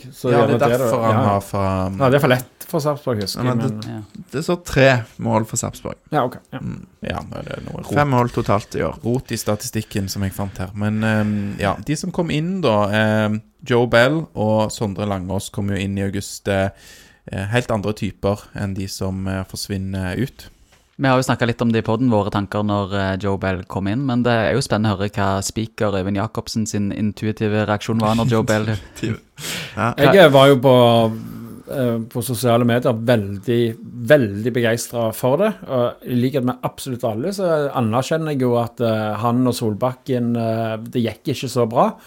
Eh, men eh, skal våge å si det, men jeg tror jo at Joe Bell er bedre enn Solbakken i Solbakken-rollen. Solbakken skulle blitt solgt i august. Ja, jeg skulle ha droppa den videoen, og, og, og han skulle ha spilt fotball i Italia, gjerne. Sånn etterpå klokskapens navn for, for økonomien til Viking og ja. Jeg syns jeg skimta deg der i den videoen et lite sekund. eh, Jeg står heldigvis ute på gangen. Men Hvorfor ikke du var med og sang? Jeg er ikke profilert og kjent nok, rett og slett. Det er mange der som var med der som er mindre kjent enn deg. Eh, Jeg fikk faktisk spørsmål om jeg ville være med, og da eh, Jeg var jo i veskebærers eh, tjeneste der for okay. Kari Nessa Nordtun som var med, og da tenkte jeg at da skal jeg stå på gangen og Så han er jo blitt så se på. ydmyk. Ja. har alltid vært ydmyk.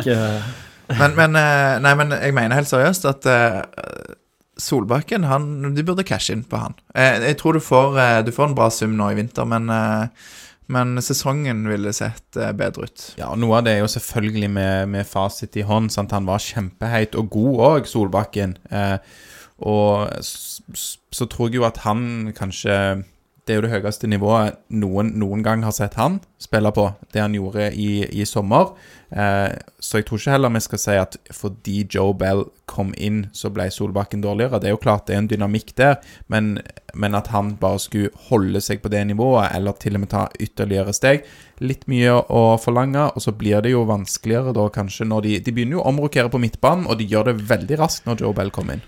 Det vet jeg du er veldig kritisk til. Jeg syns òg at, eh, at eh, Det har jeg snakket en del om i poden, men en, eh, Sondre Bjørsol, altså. At hadde han holdt seg frisk og på en måte du hadde gjort de rokeringene på midten, så ville totalen eh, vært eh, Altså du, Ja, det du, et det, det blir jo en justering når du får Janni inn på høyrebekken. De vil jo spille likt, men Janni er jo ikke, har jo ikke de samme kvalitetene og ferdighetene på, i høyrebekkrollen som, som Sondre Bjørsol. Ja, var veldig svak et par kamper på høyrebekken, Janni. Og så må vi ikke glemme at eh, Solbakken var helt eh, fantastisk i de fem kamper, fem-seks kamper på radet som ga han en landslagsdebut fortjent eh, sådan. Men før det så, så var det jo litt sånn mumling om at dette ikke var godt nok. Det var for mye transportering av ball, for mye touch og osv., som òg var fra Til og med i vårsesongen i år. Ja, til og med i vårsesongen. Og så hadde han disse enormt gode kampene, og så falt han ned på det nivået fra vårsesongen. Han var ikke krisedårlig på, på høsten, men Litt stygt å si, men er nok ikke så god som han var for sommeren, i alle fall, hvis vi kan være så diplomatiske. Og så tror jeg at han trives veldig godt i, eh, i Viking og i, i Stavanger, så er det ikke sikkert at han blir solgt. Nå var han vel en tur i Praha og sjekka på forholdene der. Jeg vet ikke om det ble noe av den kampen han var på besøk for, for det skjedde noe skoleskyting og, og sånn der, hvis det var den samme kampen. Jeg tror han var på kamp før dette skjedde. Ok, det var det, Mm. Uh, men, men det er jo ikke helt sikkert at han uh, tenker at å spille i Praha uh, er det store. Og spørsmålet er om han får tilbud som er attraktive nok for å flytte livet sitt der. Det er jo ikke sikkert de har mulighet for like gode pop-up-shops i Praha som i Stavanger. Jeg mener jo at eh, Hva er det en eh, referanse til? Pop-up? eh, Han og. Sondre, eh, eh, hadde en pop-up-sjappe i Jeg tror det var på Uff i Stavanger at de solgte egne klær, som er sånn for folk som liker vintage. vintage eh, Så gøy, da. Ja. Mm, kult. Miljøbevisst type. Jeg blir overraska hvis Solbakken eh, er med når vi starter sesongen neste år. Jeg tror i hvert fall Viking har lyst til å selge han. Og bare la det være sagt, jeg, jeg liker jo Markus Solbakken. Han er en profil. Han er en bra fotballspiller. Men du har altså de du må cashe ut for, og da tenker jeg at Solbakken er grei å selge. Og Viking har jo gjort det de burde gjort eh, i 2021-sesongen. Eh, de har henta erstatteren mens han fortsatt er i klubben. Eh, så Solbakken skulle kommet inn da sommeren 21 og vært med i eh, laget, rundt laget den høsten når Bell var så god, og så tatt over. Um, så, Så skal det sies, da, for nå er vi etterpåkloke, vi elsker jo at Viking beholdt Solbakken, at de beholdt eh, Brekalo. Vi elsker det jo. Det var jo liksom Nå satser de. Ja, ja. Altså, det, selvfølgelig. Ja. Det, det er jo noe med signalet òg, da.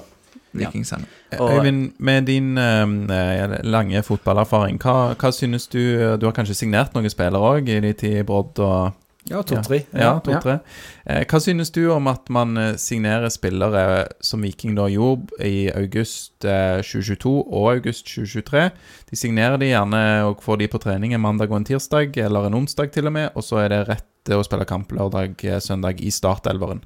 Syns jeg er helt uproblematisk. Det? Ja, Ja. Det sa du i fjor òg. Ja. Ja. Eh, jeg, mener fotballspillere de går lett inn i, i, eh, i roller. eh, så avansert er det ikke å spille, selv om du spiller i, på eliteserienivå i, i Norge. Det som var litt utfordrende gjerne med Joe Bell, var at han hadde lite spilletid i bagasjen. Altså Han hadde sittet mye på, på benk, eller forholdsvis mye på benk. Så det er nok mer et moment enn at du skifter lag. Men er du i form, så kan du gå inn på hvilket som helst lag og gjøre en Og, god jobb. og i ny rolle ble det jo for Joe Bell. Ja, eh, men til og med det.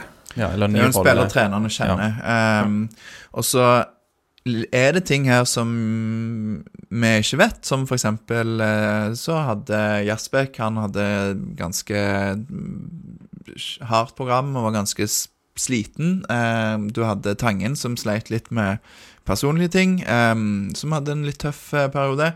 Så det, det er mange sånne ting som vi utenfor da ikke vet, som spil, trenerne må ta hensyn til, som spillerne um, sliter med, eller som, som gjør at ikke, ikke de kan velge uh, helt fritt heller. Så det tror jeg at òg spilte inn. Det gjorde nok det.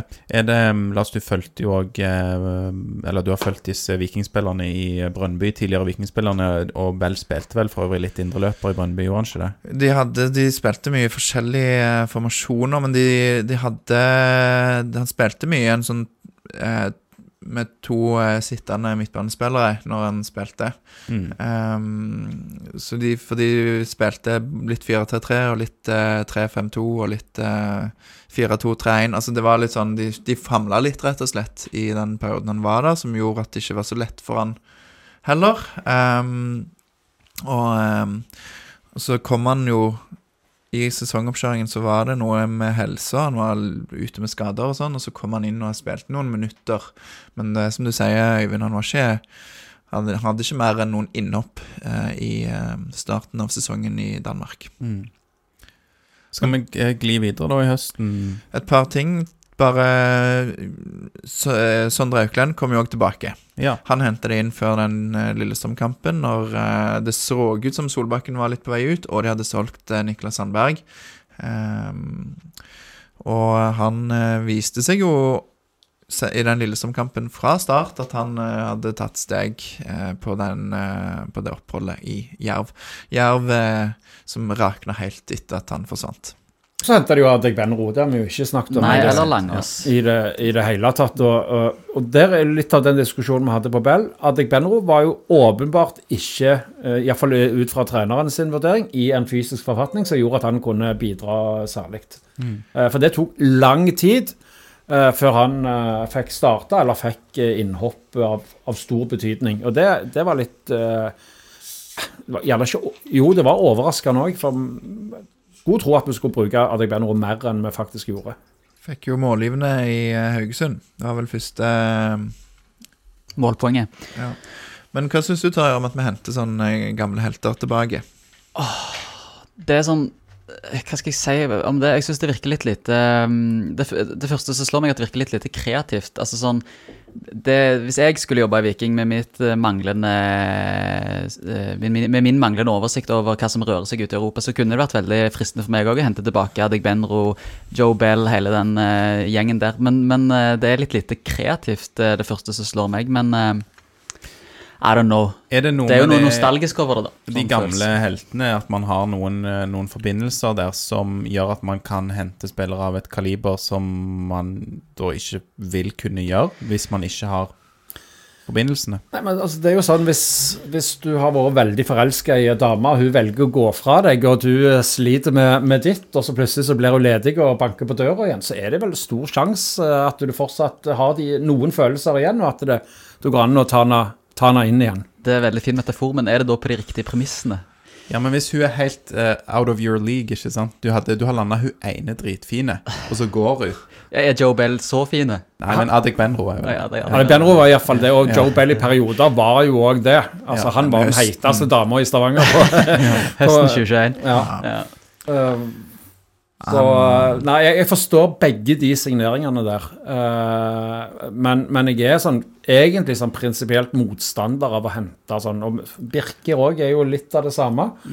Uh, og du skal ikke se vekk ifra gjerne at de henter Veton uh, Berisha om ikke så lenge. Tror du det kan skje? Nei, nei, det tror jeg ikke. Ikke om fem år engang. Eller tre år, fire år. når Du vet aldri i, i eh, fotball, Uh, men eh, eh, Ja, de har, hatt eh, De har jo henta inn en del andre spillere som ikke har vært tilsvarende suksess. Og nå har jo sånn sett ikke Joe Bell og egentlig heller ikke Adek Benro vært noen suksesser foreløpig. Det er jo sånn, sånn du, du, eh, du vet litt hva du har, og ikke hva du får. Og, det er typisk supportere bli litt sånn når du eh, Når du henter noe nytt som ikke kjenner til, så blir det sånn Å, jeg gleder meg til å se han, og så vet du jo ikke noen ting om han er bra eller dårlig. Og, og du har jo noen som, eh, som var litt spent på, f.eks. Kevin Cabran, som aldri innfridde de forventningene som eh, rundt Viking hadde. Jeg vet at trenerne var veldig glad i han, men det er jo en grunn til at han ble solgt.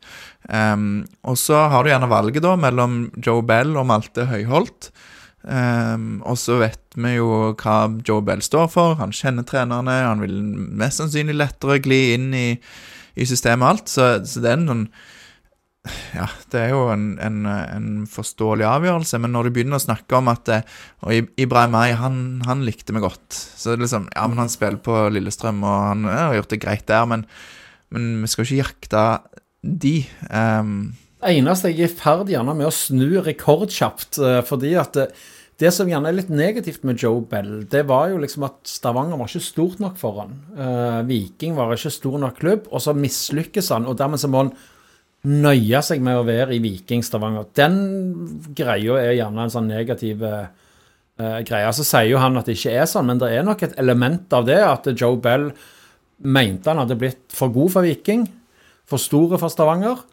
Og så fant han ut at det var han ikke allikevel, og kom litt sånn med halen mellom beina. Eller er jeg gjerne litt frekk nå? Nei, jeg tror Nei, det er er greit. Ja. Men jeg tror du finner de mekanismene i, i, hos alle spillere, at de føler at de kunne vært bedre. Og, altså, det er jo sånn, De tankene der tror jeg de fleste i Viking har. Håper i hvert fall nå Kanskje at gutter, men når de har signert Bell igjen, da, at eh, det denne gangen ikke er noen formuleringer om at eh, ja, ja, kommer det et stort nok bud, så blir du solgt. Det, det burde jo være implisitt, det burde man ikke trenge å prate om. Eh, Blir han god nok eh, til å spille for Barcelona, så ja, så blir han solgt. Men, men jeg håper nå at de har litt andre kort. Og de, de har jo modnes òg, ikke sant? Både trenerne og de i eh, ja, Nevland og støtteapparat. Ja, det er jo ting som uh, har skjedd privat òg for Joe, som, uh, som spiller inn. Men han, uh, nå er det i hvert fall ting som tyder på at han er ganske investert i Stavanger og, og Viking, da. Um, på han, Blant annet så ber han disse spillerne som han forholder seg til, om å snakke norsk til han, for han vil gjerne bruke norsk som sitt språk. Du sier det er ting som har skjedd privat eh, for Joe Bell, Lars. Dette er ting som jeg ikke vet. Er det noe som Jeg vet ikke hva som er liksom innafor å, å dele, men eh, ja, nei, det du, bare, du teaser oss litt. Da lar vi være. Da Ja. tror jeg det tryggeste er å la være. Og, Ja. Mm. Men eh, det må jeg jo si, du hadde jo Joe Bell i Vikingpodden her. Han var jo veldig eh, selvransakende og ydmyk i sin fremtoning eh, der.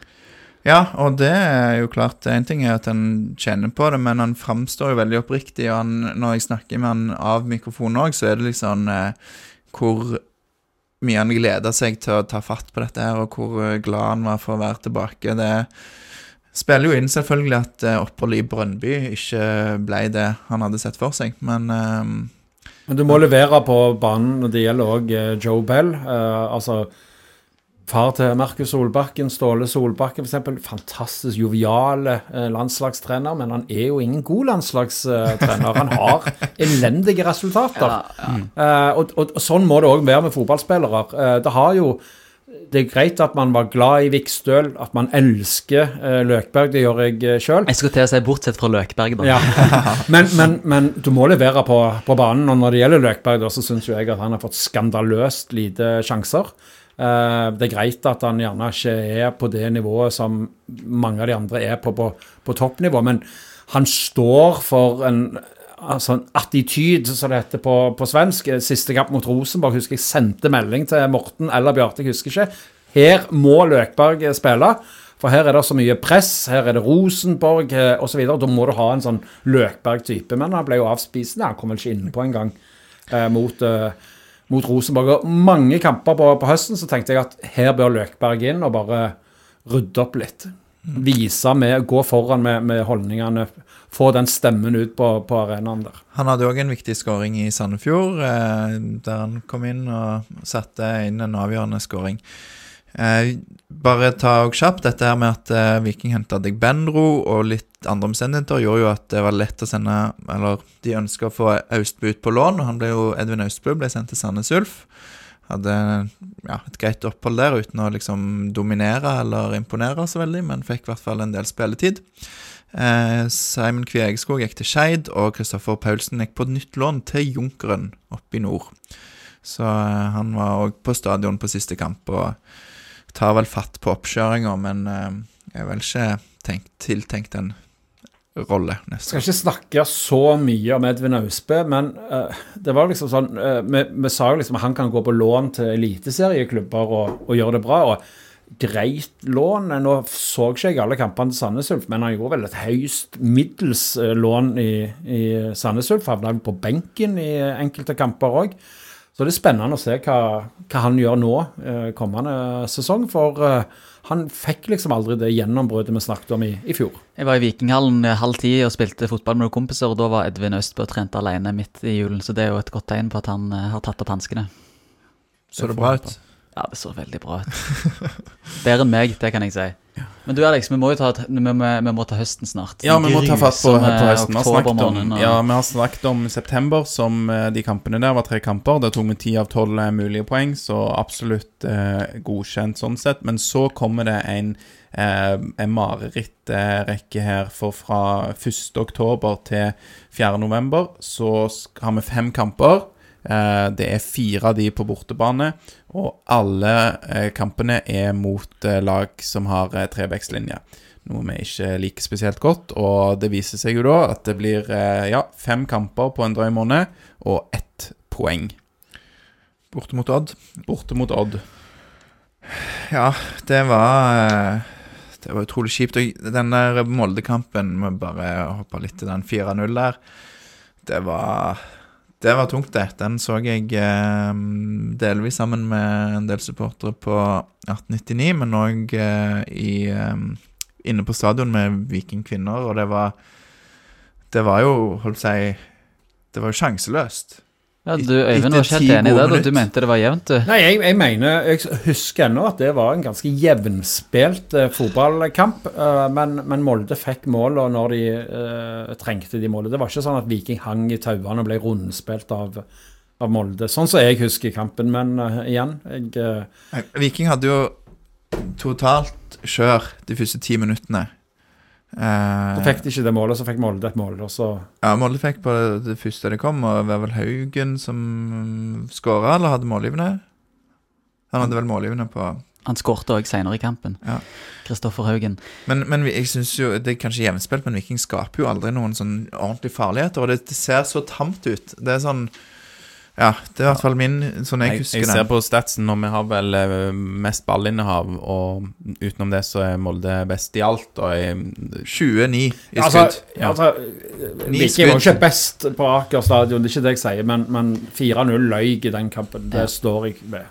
Ja, det, det Hvis man ser på XG forventa mål, så har du rett i det, Øyvind, at 4-0 eh, det lyger litt. Men 3-1 hadde Det, det. det verste som skjedde den kampen, det var jo at eh, Morten og Betty valgte å starte med Bricalo, som aldri burde spilt. Han gikk ut etter 30-40 minutter og spilte ikke Det var vel hans siste kamp for Viking denne sesongen. Ja, han spilte i Drammen òg, men, Drammen. okay. men han, han hangla jo allerede. Altså det var jo, Jeg snakket litt med trenerne i den når de hadde den treningskampen mot Sandnes Ulf. Det var vel litt Odd-kampen. Eh, og da, da sa de jo at han hadde slitt eh, lenge, og det var Ja, det var vel litt sånn Kanskje vi ikke burde spilt, men det er jo sånn disse kampene er så viktige. Det sa de vel òg. Altså, det er sånn Altså Når du har sagt nei til bud på hva var det det var, oppimot 50 millioner for Bricalo, eller Taragina, 40-50, noe sånt? Det, det vet jeg ikke. Jeg Nei. ikke det var så mye, altså. Men du kan okay, jo tenke, da- hvis du, hvis du start, hvis du, En ting hvis du gjør det, men hvis du starter da neste kamp igjen med Brekalo og Langås, og så Ja. taper du 4-0, Mm. så er jo Hvorfor starta ikke Brekalo? Eh, nei, han hva mener du nå? Nå mener du at du Du sa du Brekalo et par ganger her, men du mener at du kunne starta med Langås og en annen stopper enn Brekalo? Ja, Hvis du starter kampen med Langås og Diop, da, setter Ja. Brekalo ut fordi at du skal spare han. Ja. Sånn, ja, nei, han er ikke Han hangler litt. Ja, ja, kritikken kommer jo uansett. Det er umulig å, å gjøre rett, kan man jo fort si her, men eh, men ta et annet spørsmål da, Øyvind. For det, eh, sånn som jeg skjønner deg, altså du sier at eh, Molde skårer litt på de riktige tidspunktene. Eh, jeg har jo noen ganger etterlyst at eh, jeg ønsker ikke at Viking skal starte kamper i 3-5-2 og sånn som de har holdt på med tidligere, men men Morten og Betty er alltid veldig på at de fokuserer på at ja, vi må justere, vi må gjøre noen knepp. De må, de må finstille litt på hvordan de spiller, mens jeg noen ganger kunne tenkt at OK, nå setter vi opp en target-spiss eller har en plan B. Eh, hva, hva tenker du om det, Øyvind? Er det Jeg er jo ikke noen fotballtrener, eh, men eh, fotball er jo uh, eget spill og motspill, og du må forholde deg til motstanderne. og Der gjøres det uh, enorme analyser. og så Spille borte på Røkkeløkka, da må du ta hensyn til, til motstanderen. Uh, Og så tror jeg vel at Molde uh, overraska Viking taktisk òg i den kampen, men nå, nå er jeg altså på veldig tynn grunn og bare på ren husk. Jeg tror, tror det lot det kanskje komme litt òg, men, men han Grødem sa jo det, det er Aftenbladet som hadde vel sak på at eh, her, hvis ikke Og han sa det kanskje i intervjuet òg, at ikke Viking gjør noen justeringer her, men kommer til, kommer til å bli stygt for dem. Så Molde visste jo hva, hva som kom, og de visste hvordan de skulle angripe det, og de traff jo Altså, det er Det jo herja jo på, på høyresida til, til Janni, altså på Vikings uh, høyreside. Det kom mye bak der. Uh, men sånn utover det, da. Ja, det var jo noe jeg òg ikke klarer å forstå. Fordi Ja. Janni står så utrolig både høyt og langt inn i banen, og, og det er det jeg òg er litt på men, jakt men etter. skulle de, de er justert Men nå er det veldig mye om Molde-kampen her, altså. Ja. Og det var vel Joe Bell òg var vel ganske svak i press i den kampen, og så henger alt sammen alt, og så videre. Men la oss bare være enige om om, at vi eh, snakker om de andre kjekke kampene. Molde var best. Tromsø var jo helt fantastisk i kamp. Kan jeg bare spørre ja, deg. Alexander, først, da, for det du har jo muligheten her. Det har jo Viljar på benken. Det kunne jo satt inn han og lagt dem til en trebackslinje med Janni som wingback, så ville det kanskje sett tryggere ut defensivt. Um, ja, Ja, altså, Sånne jeg- type grep, eller uh, hva er det du egentlig vil at de skal gjøre? Nei, Du bare ser jo det er jo over flere kamper her at de, det blir tap og tap, og, og det de sier hver gang, er jo at de, de, må, få, de må justere, de må, de må ja, få, gang på eget spill, og, og de håper nok på det, ikke sant? For dette er eh, De har akkurat eh, hatt eh, ti kamper rad, de har vunnet eh, hva er det, 12 av 13 òg, og så, så går det inn i en sånn en kjip periode. Men da ønsker de å få gang på akkurat det samme, og jeg mener det kunne vært fint å Vi har jo sett Vilja spille spiss, liksom. Altså, det er noen sånne ting i Jeg sier ikke akkurat det i Molde-kampen, men i noen av kampene, hva, hva er det man må gjøre for å, for å klare å komme ut av og bryte litt ut av det og sikre noen resultater istedenfor å prøve å få gang på eget spill? Jeg skjønner det er vanskelige vurderinger, men ja. Jeg syns jo det er en ting som jeg kan være enig med deg at eh, de kan få kritikk for, er jo at de, de kjører knallhardt på at Bell må få tid. Han får fem kamper på rad der han ikke ser knallbra ut. Jeg syns han kom seg litt og var f.eks. Borte mot Odd, så syns jeg han var bedre enn Solbakken, men det er han som blir tatt av. Og så starter eh, neste kamp mot Tromsø, så er det jo Gjersbekk og Tangen som starter sammen med Solbakken. Så da gjør de det. Det grepet som mange har ropt etter. Altså sant, Når Bell kommer inn og ikke fungerer, hvorfor skal du på død og liv stå med han? Um, og i etterpåklokskapens lys, som er det vi har i denne poden her, så er det jo um, Så er det jo en sånn ting som ja, Med, med den, det utgangspunktet de hadde da til den gode sommeren, det å bare si at noen skal få tid, man må gi det tid, det er jo ikke tidspunktet for å gi noe som helst noe tid. Det er jo et eh, tidspunkt for å smi når du ligger så godt an og det er åtte kamper igjen. Så ja. Men kanskje vi har snakka det litt i hjel. Det har vi dekka i andre episoder òg. Ja. Skal vi um, si noe mer om de resterende kampene? Vi vant jo to kamper eh, hjemme mot Sarpsborg og borte mot Ålesund. Det var jo deilig, og jeg håpet at ting var litt i ferd med å snu for Viking. Vi var veldig gode borte mot eh, Nei, okay, vi var ikke så gode bort mot Ålesund, men vi vant jo 4-0, da, så det var jo solid. Men eh, Ja. Ålesund var ferdig. Men, men denne rekka sant, med Molde, Odd, Tromsø, Godset og HamKam, det, det føles som en så utrolig lang og smertefull periode. Mm. Så sånn, men det er jo hva det er, fem kamper. Ja, Men det var jo over én måned. Det Ja, er ja. klart at det er smertefullt. Og det er jo det som blir sesongdefinerende. Det er jo disse kampene i oktober. Uh, Jeg syns HamKam-kampen den var, den var grusomme. Uh, 3-0-tap Ja, altså der, der var man eh, sjanseløse. Men vi må ikke glemme Tromsø, hvor eh, liksom Viking snur 2-0, eller 0-2 da, til 3-2, og så skårer Tromsø 2 helt på tampen. Eh, det, det var ikke så gale, men det var jo liksom at eh, de berømte marginene snudde i, i Vikings disfavør. Og det var jo litt Eh. sånn flashback til i fjor. HamKam-kampen, eksempel. Den der en styring og et uh, once in a lifetime-mål. Altså Men de var ikke gode borte Viking mot HamKam. skapte ikke en målsjanse borte mot uh, HamKam. så vidt jeg Ja, de hadde 2,5 expected goals, da. okay, okay, og ja, ja. 75% ballinnhav. Så det er jo et HamKam-lag som legger seg veldig lavt. Det er jo ikke å sitte med sånn statistikk, Eller? Ja, men, men jeg, jeg satt iallfall med følelsen at her, dette er syltynt. Det kan godt være de fikk noen sjanser på slutten, og sånn, men jeg bare følte at den var eh, Den HamKam-kampen var sånn Den var trist, da. Så, Eh, og så har du sånn godset, eksempel, der eh, William Myhra har en hånd på alt, og til og med det skuddet som går i stolpen, som eh, ikke er lett å se, men det redder han òg fra Patinama på, når det går mot slutten der. Så det er sånn, det er stang ut, og så går alt inn for uh, HamKam spesielt, da.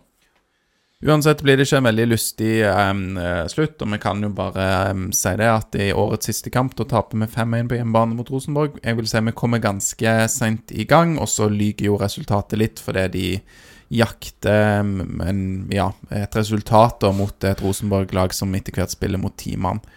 Pluss plus syv og pluss ti kom de to siste. men, men altså, eh, litt sånn, sånn etterpåklokskapens lys igjen, da. Eh, Hvis Viking, og det kunne de mot det Rosenborg-laget der, vunnet 3-0 Hvis Viking hadde fått det første målet, så hadde altså Viking hatt sølv.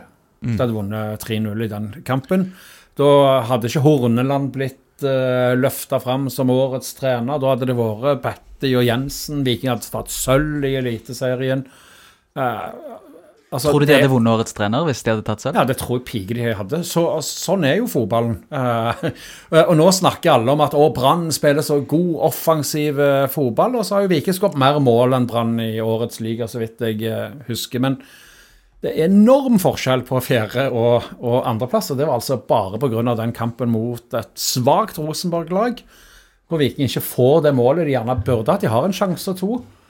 Og så er det bare Ja, så slår bare lyset helt av Det er av. veldig uh, tett der andre til fjerdeplassen, ja. Og, og fjerdeplass er jo ikke en, en dårlig sesong, som er vel litt det du sikter til her, Øyvind. Ja, og ta bare Tromsø-kampen, hvor du altså leder 3-2 hjemme på overtid, uh, og taper. Altså, det hadde jo gitt medalje hvis de bare hadde latt være å slippe ned et mål der.